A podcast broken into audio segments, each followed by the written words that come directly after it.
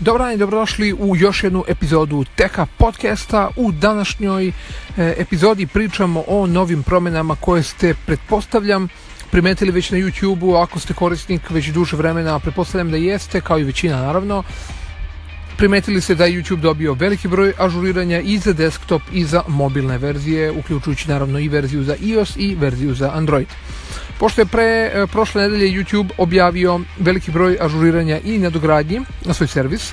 Prvo što ćete naravno primetiti je novi logo koji kombinuje e, wordmark i naravno ikonicu a sama ikonica ima play taster i smešta naravno gornje, sa, sa gornje leve strane na sajtu. Mobilna aplikacija je ažurirana novim dizajnom koji sada ima navigacione tabove u dnu, a mogućnost ubrzavanja i usporavanja klipa i naravno red preporučenih e, videa dodat je u full screen pregled što je naravno super. Pored ovoga, u dolazećim mesecima korisnik će moći da premešta e, da se premešta između videa pomoću svajpovanja, takođe ova oblast ispod klipa će omogućiti i pretragu videa na druge i nove načine.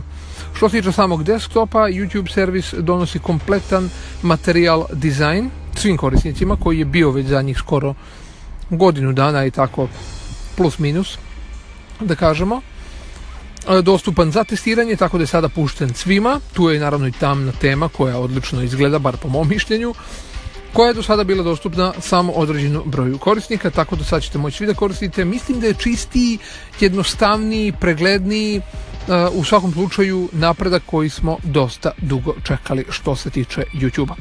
To bi bilo to za ovu kratku epizodu, ako niste primetili naravno a, sve te promene na YouTube-u, idite na YouTube i pogledajte kako vam se sviđa.